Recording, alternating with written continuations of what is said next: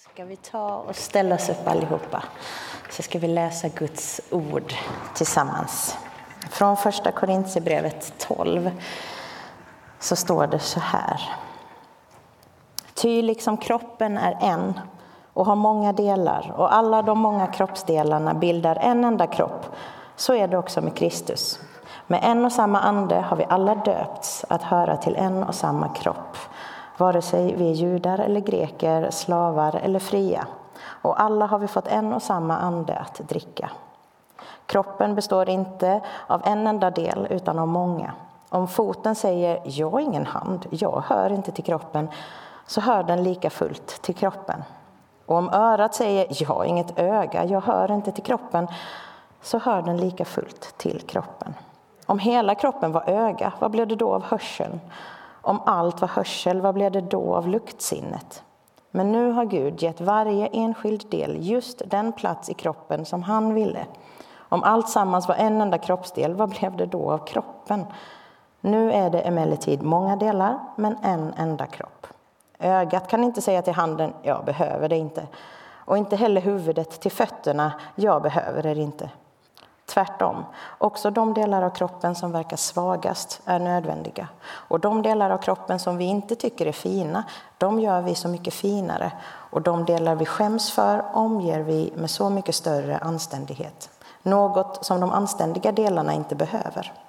Men när Gud satte samman kroppen lät han de ringare delarna bli särskilt ärade för att det inte skulle uppstå splittring inom kroppen och för att alla delarna skulle visa varandra samma omsorg. Lider en kroppsdel så lider också alla de andra. Blir en del hedrad så gläder sig också alla de andra. Ni utgör Kristi kropp och är var för sig delar av den. Herre, jag ber att ditt levande ord ska få verka i oss idag. Amen. Varsågoda och sitt.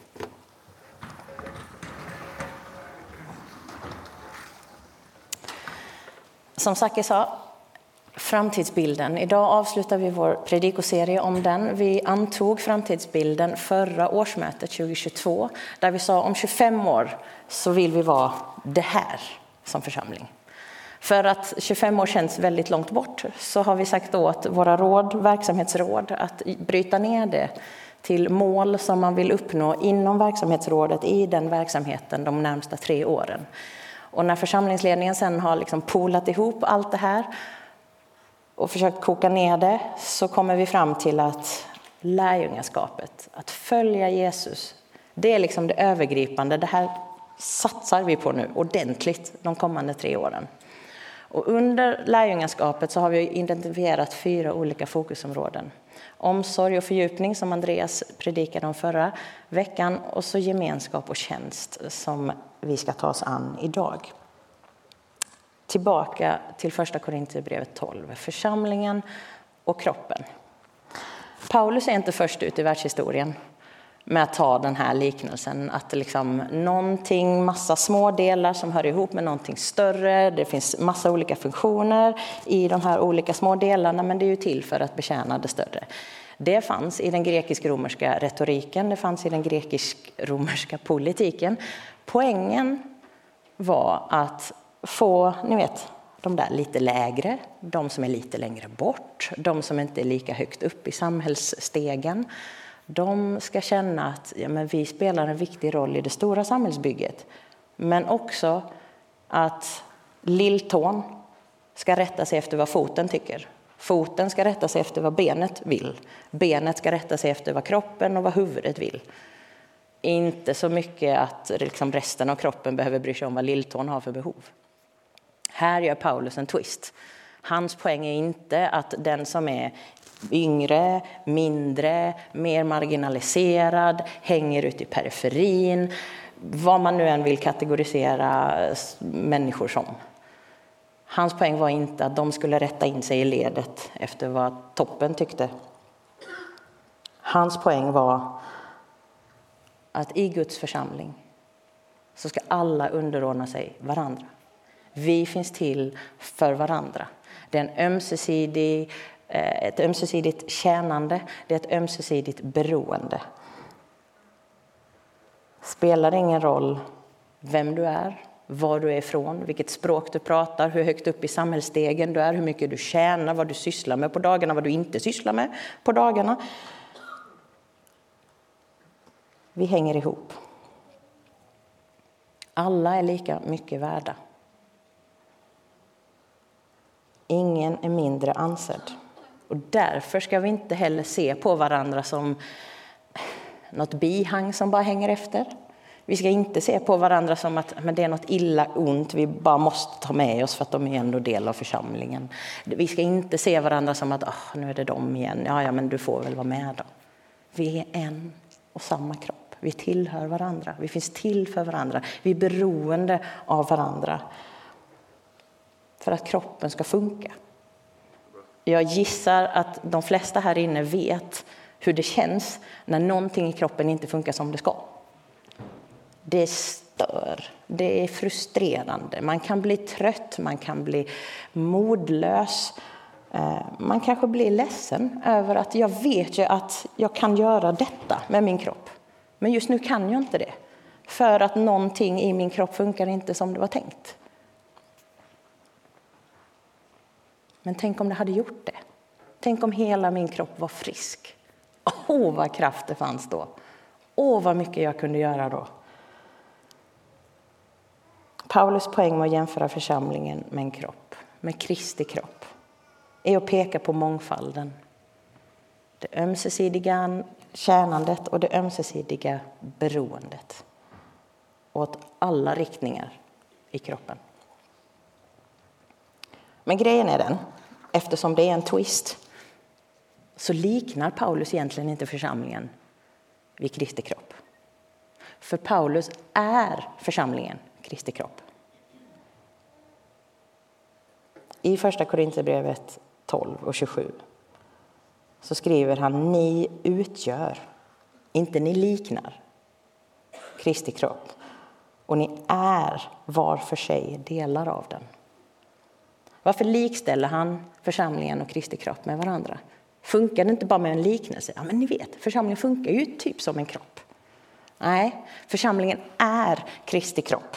Det är en jätteviktig teologisk sanning som Paulus verkligen bär på och andas och undervisar om. För att det är viktigt för honom att folk ska fatta att församlingen och Kristi kropp är inte två olika saker som har vissa likheter och så kan de liksom gå parallellt. Men drar man det till sin spets så är det ändå inte riktigt helt likt. Nej, församlingen och Kristi kropp, det är samma sak. Ända ut i spetsen. Hur långt nu man än vill dra det. Kan det vara så att han fattade denna sanning när han fick möta Jesus? Innan han fick möta Jesus, innan han blev kristen, så är han jätteivrig att förfölja de kristna, jätteivrig att arrestera dem, slänga dem i fängelse för de kommer här och undervisar galna saker om Gud. Det stämmer inte. Det är liksom hädelse. Så han är på väg till Damaskus, kan vi läsa om i Apostlagärningarna. Han ska arrestera de kristna. Han blir knockad till marken av ett bländande ljussken och så hör han en röst säga Varför förföljer du mig? Och i den dialog som följer så förstår man att okay, Paulus får här prata med Jesus eh, och Jesus identifierar sig med sina efterföljare, med de kristna. Han säger inte Paulus, varför förföljer du mina efterföljare? Varför förföljer du de kristna? Varför förföljer du kyrkan eller den första kyrkan eller de, liksom, mina lärjungar? Han säger Paulus, varför förföljer du mig? Och när Jesus så tydligt identifierar sig med de som är hans lärjungar, vem är då Paulus att separera på det och säga att vi är som en kropp? Församlingen och Kristi kropp är samma sak. Församlingen är Kristi kropp. Vi är inte en primärt social gemenskap, även om vi kan ha det ganska kul tillsammans. Vi är inte primärt en grupp med människor som tror på samma sak. För i ärlighetens namn tror jag inte vi tror exakt likadant i alla små detaljer. Vi är heller inte en grupp som tänker och tycker likadant och därför håller vi ihop. För det vet ni också att vi inte tycker och tänker samma sak. Alltid. Men församlingen är Kristi kropp. Vi hör ihop. Vi är ett. Vi sitter ihop. Oavsett hur olika vi är. Oavsett vad du är bra på eller inte bra på, vad jag är bra på och inte bra på, vad du kan och inte kan.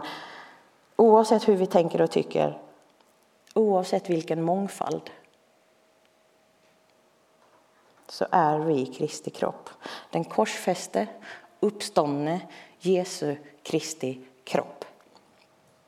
Här på jorden, i den här världen, för att visa världen vem Jesus Kristus är. För att visa världen att Jesus Kristus är.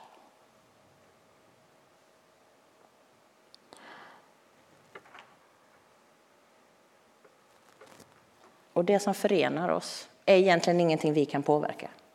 Det som förenar oss är ingenting vi kan provocera fram, ingenting vi kan forcera fram, ingenting vi kan argumentera oss till.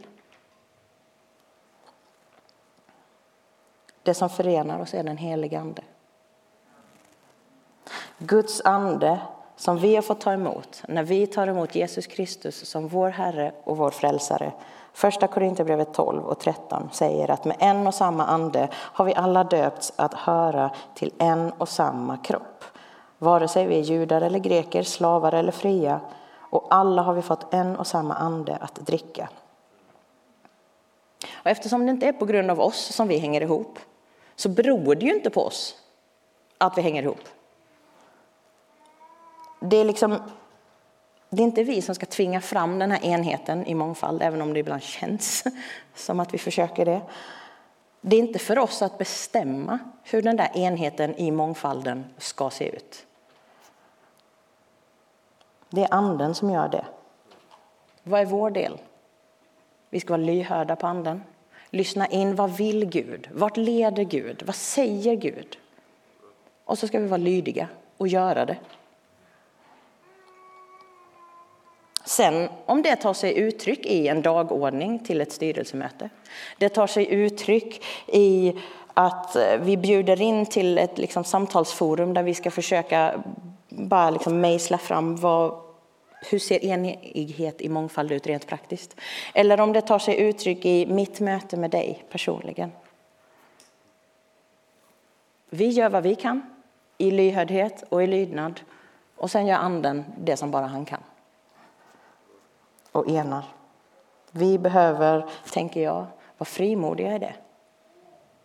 Om vi är lydhörda och vi är lydiga, då kan vi stå där frimodiga och veta att det som händer nu, det är anden med och vägleder i. Det är anden med och verkar i. För att vi är en kropp. Och tänk vad livsförvandlande det skulle kunna vara att få vara i en sån församling och i en sån gemenskap när det funkar. En gemenskap där det finns plats för alla och det finns alltid plats för en till. För att Jesus har älskat mig, Jesus älskar mig, Jesus älskar dig. Jesus älskar han som sitter tre rader framför dig och hon som sitter i sektionen bredvid. Jesus älskar också den där personen som du aldrig sett i kyrkan förut. Det finns en plats för en till. Och en gemenskap där vi finner en tillhörighet inte för att man ser ut som man gör eller går klädd som man gör eller bor någonstans eller tjänar en viss summa. Eller hur man beskriver sig själv. Vi finner en tillhörighet i den här gemenskapen för att vi har vågat tro på att det finns en Gud som älskar mig så mycket att han dog för mig. Och mitt gensvar är att jag ger mitt liv till honom för att han har gett sitt liv för mig. Tänk vad livsförvandlande det kan vara att få vara i en sån församling. Och tänk vad livsförvandlande det kan vara att få vara en del av en sån gemenskap och en sån församling. En gemenskap där jag är med och ger en aktiv plats till någon annan, för någon annan har ju gett en aktiv plats till mig. En gemenskap där jag är med och hjälper den andra. Vad har du för behov? Ja visst, jag vill möta det. För det finns ju alltid någon annan som är med och möter mina behov. Ömsesidigt betjänande, ömsesidigt beroende. Det är Paulus poäng.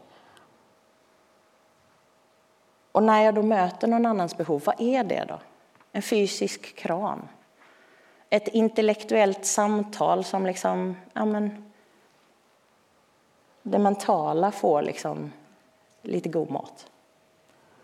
Kan det vara ett gott skratt för att själen ska må bra? Eller ett lyssnande öra för den som behöver liksom ventilera ur sig någonting? Kan det vara något materiellt som den andra behöver? Kan det vara den där sedeln eller swishen eller vad det nu kan vara för att jag behöver, jag vill åka på den här kyrkaktiviteten. Den kostar, jag har inte råd. Ja, men du, jag har. Åk du, anmäl dig, jag löser betalningen. Kan det vara, du, vi ber för det här. Det du, vi snackar om nu, det ber vi för. Kan det vara, du, välkommen på gudstjänst på söndag. Kan det vara, du, på tisdagskvällar träffas jag och en hemgrupp. Vi pratar om livet, vi pratar om tron, vi pratar om vardagen. Vill du hänga med?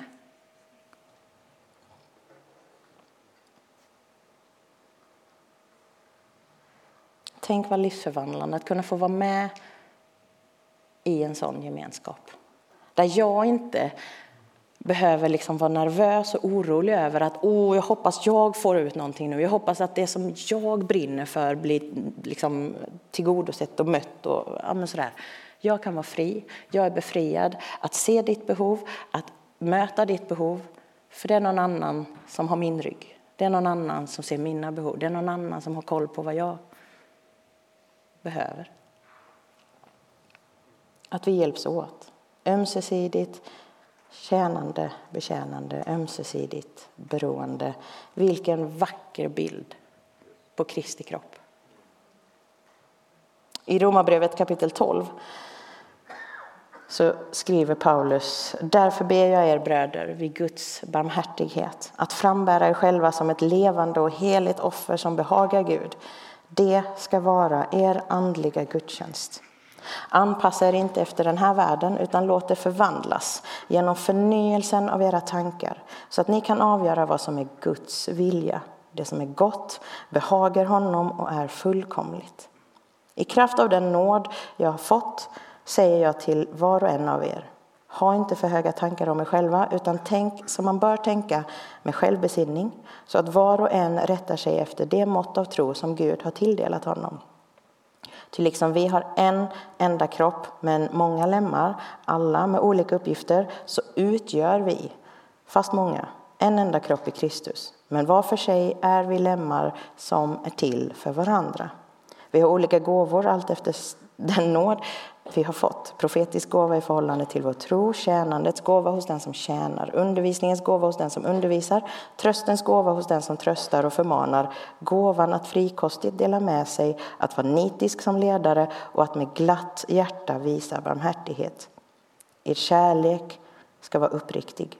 Avsky det onda, håll fast vid det goda, visa varandra tillgivenhet och broderlig kärlek, överträffa varandra i ömsesidig aktning. Slappna inte i er iver, håll er brinnande i anden. Tjäna Herren. Du och jag har en plats i Kristi kropp. Och därför har vi också en funktion i Kristi kropp. Gud har gett oss gåvor i sin nåd, säger Bibeln. Färdigheter, någonting som vi är bra på för att vi ska fylla den där funktionen för att vi har en plats i kroppen. Och när en funktion inte är i funktion, då saknas ju någonting. Och det är därför det gör ont. Det är därför vi stör oss på någonting. Det är därför vi blir lite frustrerade, lite sorgsna, lite förtvivlade, eller kanske mycket. För att vi märker att det är någonting som inte stämmer i församlingskroppen. Det saknas ju någonting för att det saknas någon eller några. Och då tänker jag det här med avsaknaden. då är det ju inte primärt det till synes ytliga i vilken typ av utrustning vill vi ha i ett rum och hur ska den utrustningen användas. Den där frustrationen kommer ju egentligen inte ifrån vilket instrument som ska spelas och hur det ska spelas och hur ljudinställningen ska vara och vilken ljudbild det skapar. Den där sorgen handlar ju inte egentligen om vad någonting kostar eller inte kostar i församlingsverksamheten. Jag tänker att sorgen bland annat kan handla om att vi inte ser våra nära och kära här i församlingen. Vi saknar deras närvaro. Oavsett om det är bortgång, det är revolt, det kanske är flytt eller det kanske är någon annan anledning som gör att de bara inte trivs här. De vill inte vara här. Det är en sorg. Och jag tänker att det är att kroppen lider. Någon kroppsdel lider och då lider hela församlingskroppen. Eller den där frustrationen eller sorgen när man känner att det här är ju kärnan. Och det borde uttrycka sig så här, men jag ser inte det här uttrycket i vår församling. Jag kommer på mig själv med att tänka det emellanåt. Det senaste exemplet är söndagsskolan. Eh, jag har ju en bild av hur söndagsskolan var när jag var liten. Och jag tänker att Åh, det där var ju så bra, den grejen och den grejen och den grejen. Tänk om mina två grabbar får uppleva det när de kommer till söndagsskolan. Och sen får jag nåden att bli korrigerad. Jag får nåden att fatta att så där kan jag inte alls tänka, Winnie. För nu fokuserade du på uttrycket och inte på kärnan. När jag får ta med vår äldsta son ner till söndagsskolan, till Disciples Kids och skola in honom i söndagsskolverksamheten, sitta där, titta, lyssna, vara med och vara närvarande, så inser jag att även om deras olika komponenter och uttryck och sånger och vad de nu hittar på är lite annorlunda jämfört med när jag gick i söndagsskolan för väldigt länge sedan, så är ju kärnan densamma. De älskar barnen, de vill presentera Jesus för barnen. De försöker hitta alla möjliga sätt och omöjliga sätt att presentera Jesus för barnen. Att skapa den miljön där barnen tycker det är kul att komma till kyrkan, där barnen trivs i kyrkan och där barnen bara säger aha, det är det här som är Bibeln. Det är detta som är Jesus. Det är han som är Jesus. Och jag kan ha en relation till honom. Det förändras ju inte. Sen om de har aktivitetsgrupper eller man tittar på eh, någon videofilm eller vad det nu är, det är väl lite sak samma egentligen i det stora hela. Och när vi ändå är inne och pratar om vår fantastiska barnverksamhet så har jag också märkt att, ni vet, man har relationer, närmare och mer avlägsna relationer till folk och man skapar sig en bild av hur de funkar. Jag har sett dessa personer på planeringsmöten, jag har pratat med dem på kyrktorget, man har liksom stått och småpratat lite när vissa av dem som har varit föräldrar till tonårsbarn har hjälpt till med mat och kiosk på ungdomskvällarna. Och då har jag skapat mig en bild av att du är nog en sån här person. Och sen så sitter jag nere på söndagsskolan och ser dem in action med barnen och bara de är så grymma. Wow! Och jag fylls av en sån tacksamhet över att de står till tjänst i församlingen med det som är deras gåvor. Jag fylls av en sån glädje att höra vår äldsta son efter första söndagen säga mamma jag vill tillbaka, det här var kul. Jag fylls av en bön att det ska få hålla i sig.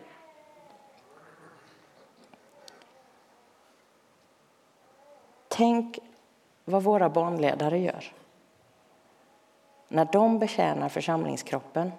Det är ju inte bara att de tar hand om barnen och skapar miljöer och presenterar Jesus för dem direkt, det gör de ju.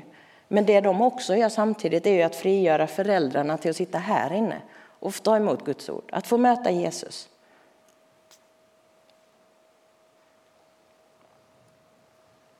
Tänk vad fantastiskt det är när olika delar i kroppen kommer i funktion som det är tänkt att det ska vara. Jag minns inte riktigt när jag började med det. Men jag kommer ihåg att det var en period i livet då jag vid varje nattvardstillfälle med brödet och med vinet, eller särkalken med druvjuice i alla fall, bad särskilda böner. Eh, och jag minns att jag gjorde det i den kinesiska kyrkan som jag hängde i innan jag kom hit till pingst. Och där var grejen att där fick alla brödet först, man höll i den tills alla hade fått, sen bad pastorn och sen åt vi det tillsammans. Och sen samma sak med särkalken. Och jag som satt ganska långt fram fick brödet ganska tidigt och fick vänta ganska länge för man började, bakifrån och jobb, eller började framifrån och jobbade sig bakåt. Så då stod jag där och vad gör man då i väntan på? Ja, men jag bad. Och jag bad alltid någonting i stil med Gud. Den här brödbiten har suttit ihop med en större brödlimpa, eller en deg i alla fall. Den hade sin plats där. Gud, kan du hjälpa mig att hitta min plats i församlingskroppen? Och Gud, när jag hittar min plats i församlingskroppen, kan du hjälpa mig att hitta min funktion i församlingskroppen?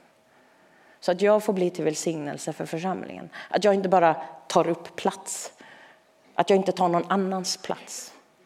Vad har du lagt ner i mig som ska välsigna församlingen? Hjälp mig att hitta det.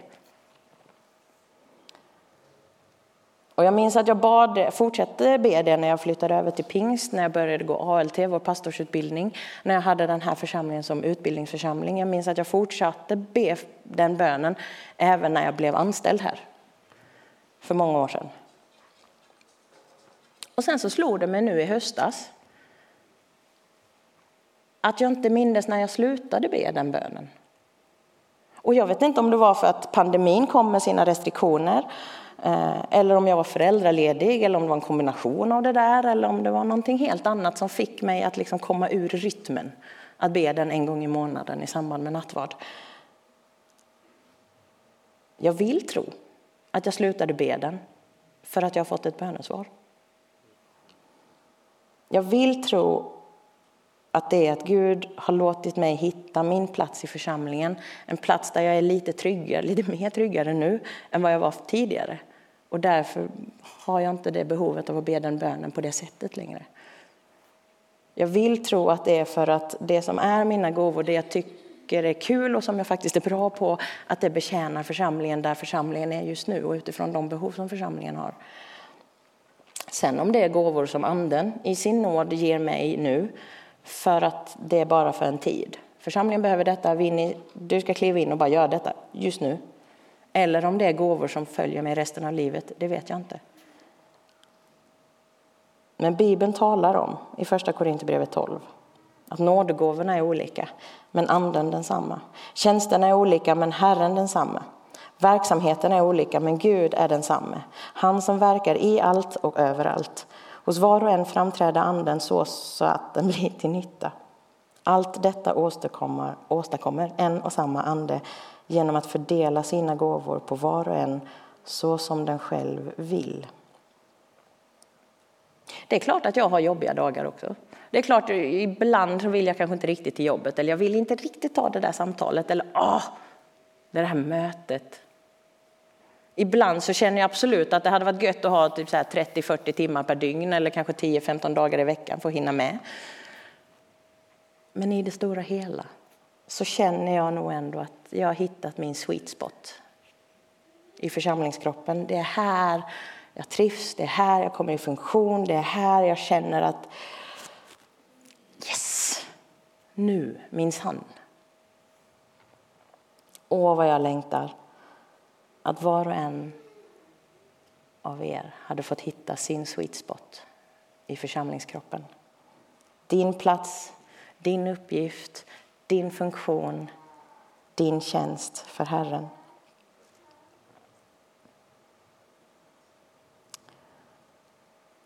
Nu i veckan fick jag en tanke. Jag har haft svårt för att släppa den. Det är det här. På vägen in fick ni en pusselbit. Fick ni inte det så ligger det lite reserver i skålen. här. Vi får se hur det här går. Min önskan är att det ska få bli ett konkret sätt för dig och för mig att bara liksom greppa plats och gemenskap och tjänst och funktion. Din pusselbit kanske ser likadan ut, eller är ganska lik någon annans, men det är den ju inte. Din färguppsättning på din pusselbit är ju inte lik den andres. Och det är klart att om du inte ligger där du ligger i ett pussel, du kan ju ligga någon annanstans. Det är inte säkert att du passar ihop med de som är runt omkring. Det är klart man kan forcera lite, trycka lite. Min ett och ett halvt-åring gör det ibland. Men det, det, ser ju liksom inte riktigt rätt ut. Så. Det skaver lite och bitarna kan ju gå sönder också.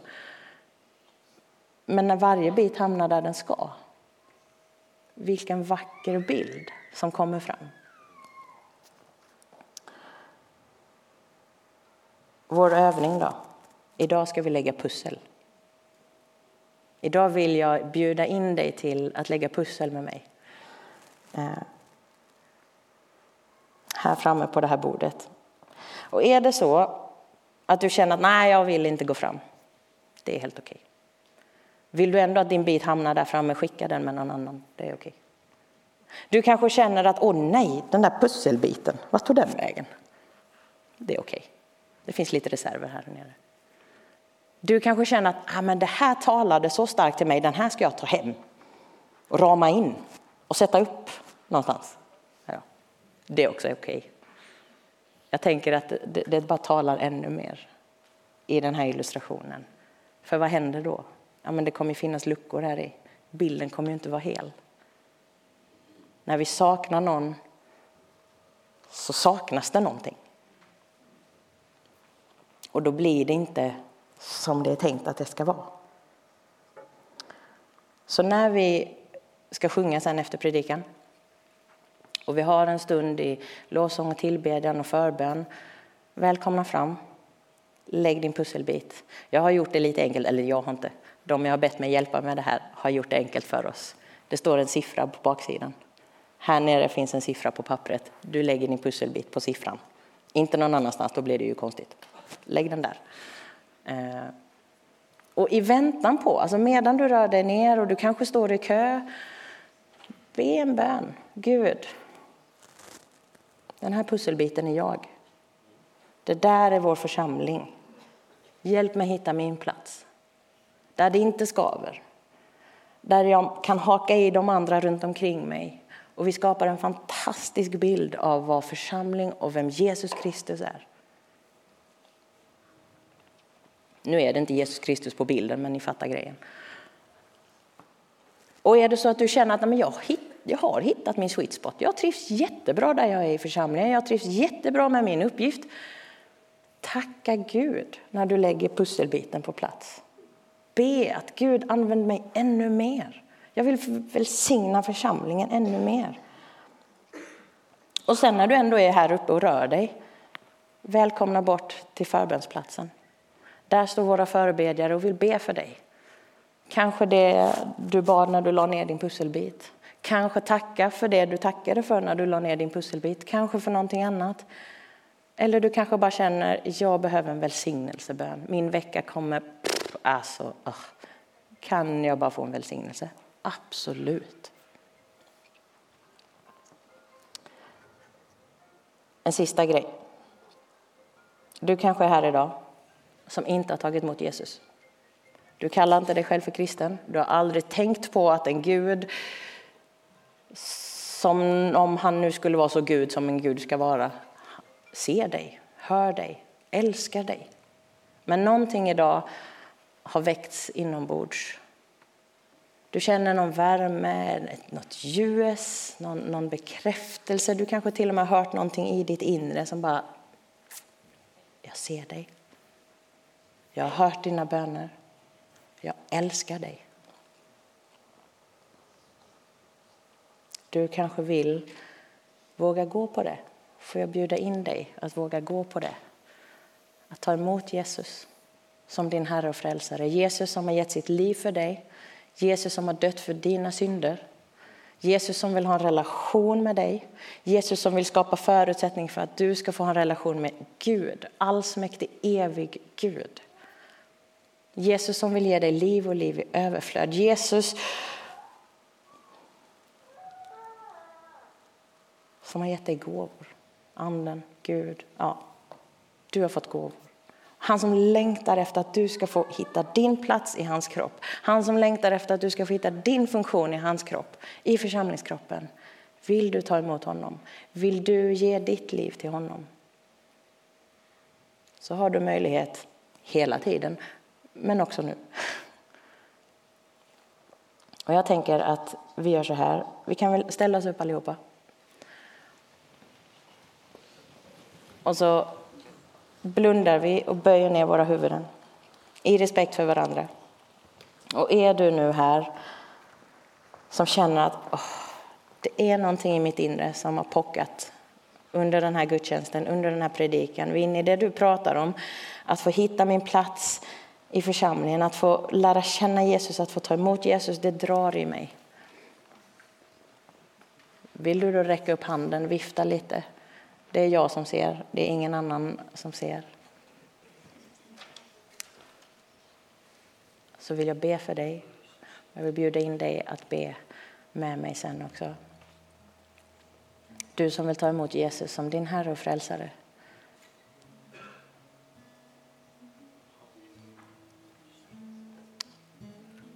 Gud välsigne er. När jag ber nu, be med mig i dina tankar. Oavsett om du nu kände att det här var mitt steg till frälsning eller det här är min överlåtelse till Jesus än en gång. Jesus, tack för att du älskar mig. Tack för att du har rört vid mitt hjärta idag. Jag är medveten om mina synder och jag vill ge dem till dig nu. Tack för att du gav ditt liv för mig, för mina synders skull. Tack att jag genom detta kan få ta emot förlåtelse för mina synder. Tack att du har uppstått från de döda och har liv i överflöd som jag kan få ta emot. Tack att jag får ta emot din heliga Ande. Hjälp mig hitta min plats i församlingskroppen. Hjälp mig att upptäcka de gåvor som du har lagt ner i mig. Hjälp mig att komma i funktion i församlingen. I Jesu namn. Och så Herre, jag ber att ditt levande ord fortsättningsvis ska verka i oss. Jag ber att den tron som har väckts ska få hållas vid liv. Jag ber att den gåva som har lagts ner ska få komma i funktion, ska få blomma ut, ska få bli till välsignelse för att din kropp ska funka som det var tänkt att den skulle funka. Jag ber att vi ska få hitta just vår plats i församlingskroppen. Till din ära, Herre. I Jesu namn. Amen.